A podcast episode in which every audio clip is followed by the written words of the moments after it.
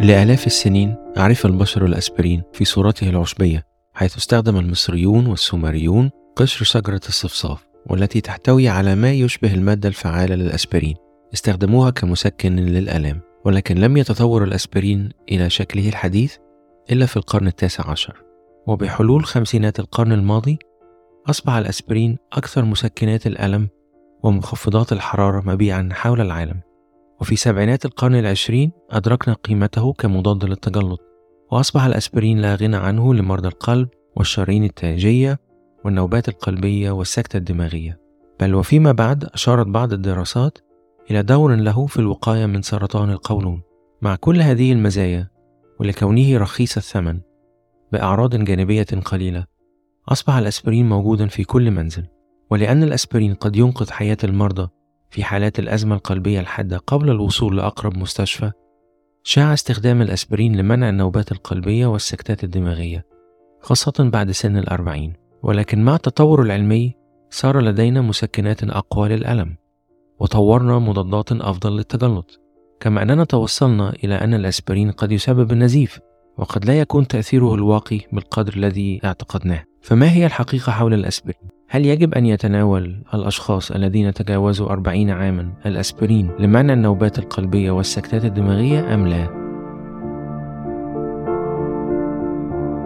مرحبا بكم في سلسلة دقات وهي سلسلة دورية نهدف فيها إلى توعية الجمهور بصحة القلب والعناية بها نقدم لكم من خلال هذه السلسلة أحدث المستندات والابتكارات الطبية في مجال القلب والأوعية الدموية ونعرض لكم نتائج الأبحاث العلمية من الدوريات العلمية المحكمة. لنضمن لكم الحقائق العلمية الصحيحة بلغة يفهمها الجميع. في عالم مليء بالزيف العلمي والأخطاء الشائعة على الإنترنت نسعى لتقديم المعلومات الصحية الموثوقة والدقيقة للجميع. أمراض القلب والشرايين هي السبب الرئيسي للوفيات حول العالم. والوقاية منها مسألة تهم كل البشر تقريبا. وهناك مستويان من الوقاية الوقاية الثانوية والوقاية الأولية. الوقاية الثانوية تعني الوقاية بعد حدوث المرض أو في شخص أصيب بالمرض من قبل مثل شخص مصاب بالذبحة الصدرية أو أصيب بنوبة قلبية أو سكتة دماغية أو انسداد بالشرايين. الوقاية الثانوية تعني الحفاظ على صحة المرضى ومنع تكرار الإصابة. ويجب أن أشدد على أن الأسبرين ضروري جدا في هؤلاء المرضى لذا إذا تم تشخيصك بمرض في القلب أو الشرايين ووصف طبيبك الأسبرين لا تتوقف عن استخدام الأسبرين ويمكنك مناقشة طبيبك المعالج إذا كان لديك أي أسئلة حول الأسبرين. المستوى الآخر هو الوقاية الأولية والتي تعني منع الإصابة من الأساس أو الحفاظ على صحة الأصحاء. الذين لم يعانوا من الذبحة الصدرية من قبل ولم يتعرضوا لنوبة قلبية ولا لانسداد الأوعية الدموية. وتشمل أيضا الوقاية الأولية أولئك الذين ليس لديهم مرض بالقلب ولكن لديهم عوامل خطورة الإصابة بالمرض مثل تقدم العمر ارتفاع ضغط الدم السكري ارتفاع الكوليسترول التدخين أو تاريخ مرضي في العائلة قصور الشرايين التاجية. هؤلاء جميعا تشملهم الوقاية الأولية. والسؤال هنا هل يستفيد الأصحاء أو من لديهم عوامل الخطورة دون وجود المرض من استخدام الأسبرين للوقاية بعد سن الأربعين؟ في هذه الحلقة سنناقش أحد أهم التقارير عن الأسبرين والذي نشر في أبريل من العام الماضي في مجلة الجمعية الطبية الأمريكية.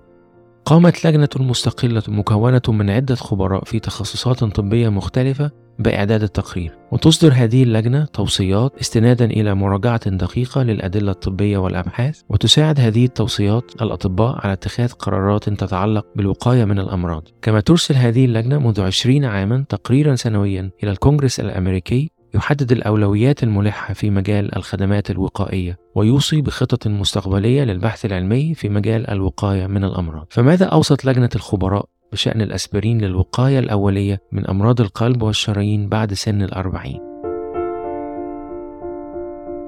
أولا قام فريق الخبراء بمراجعة وتحليل بيانات 13 بحثا طبيا. شملت هذه الأبحاث أكثر من 160 ألف مشارك وقامت بدراسة تأثير الأسبرين في تقليل خطر الإصابات القلبية في الأشخاص الذين لم يعانوا سابقا من أمراض القلب أو الأوعية الدموية. وما وجدوه بعد تلك المراجعة المستفيضة هو أنه بعد سن الأربعين ساهم الأسبرين بنسبة صغيرة حوالي 12% في تقليل الإصابة بالنوبات القلبية والسكتة الدماغية ولكن لم يقلل الأسبرين من الوفيات القلبية. وكان أكبر المستفيدين من الأسبرين هم أولئك الذين كان احتمال الإصابة المستقبلية بأمراض القلب عندهم أكثر من 20% وهذا هو الجانب المشرق من الأسبرين. ولكن الجانب المظلم هو أن نفس التجارب وجدت زيادة كبيرة في النزيف المعوي الخطير وصلت إلى 58% ووجدت أيضا زيادة كبيرة في نزيف المخ بلغت 31% وكان أكثر المعرضين لأخطار الأسبرين هم كبار السن خصوصا بعد سن الستين. أي أن هناك فوائد وهناك مضار من استخدام الأسبرين للوقاية الأولية. لذا قام فريق الخبراء ببناء نموذج محاكاة يوضح مدى توازن فوائد وأضرار الأسبرين في الوقاية الأولية من أمراض القلب والشرايين في الظروف المختلفة.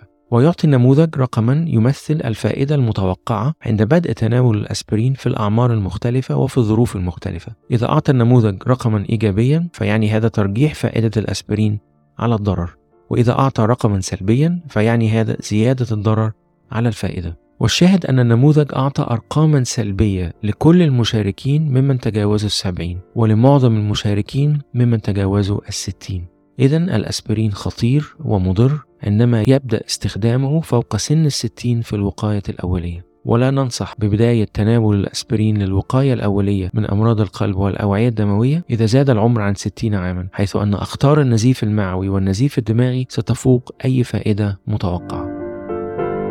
وماذا عن الذين تتراوح أعمارهم ما بين الأربعين والتاسعة والخمسين؟ هنا يجب أن نقوم بتقدير خطر الإصابة المستقبلية بأمراض القلب والشرايين. ويمكن للطبيب حساب تلك النسبة باستخدام العمر والجنس وضغط الدم والكوليسترول وسكر الدم والتدخين. وحسب نتائج الدراسات فإن ما بين سن الأربعين والتاسعة والخمسين إذا كان احتمال الإصابة المستقبلية بأمراض القلب والشرايين أقل من 10% فلا يوجد فائدة من تناول الأسبرين أيضا. أما إذا كانت النسبة المتوقعة لخطر الإصابة في المستقبل بأمراض القلب والشرايين 10% أو أكثر فهنا تتقارب نسب الفائدة ونسب الضرر من الأسبرين. وقتها نلجأ للمناقشة مع المريض لإعطائه الاختيار ولاتخاذ قرار مشترك مع مراعاة الفوائد والأضرار المحتملة للأسبرين فضلا عن تفضيلات الشخص ورغباته وتخوفاته. وبناء على هذا النقاش نقرر ما إذا كان ينبغي بدء تناول الأسبرين أم لا.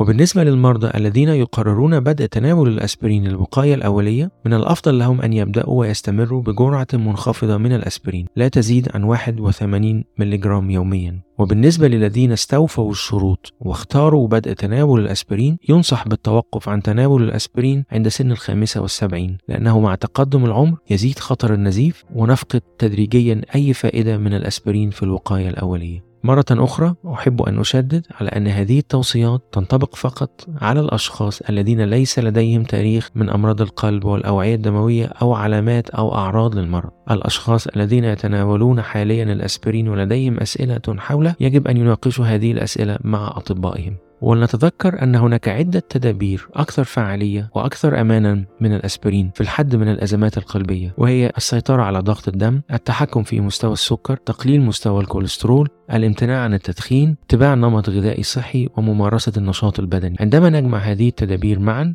فإن الفائدة التي سنحصل عليها تتجاوز بكثير ما نحصل عليه من الأسبرين.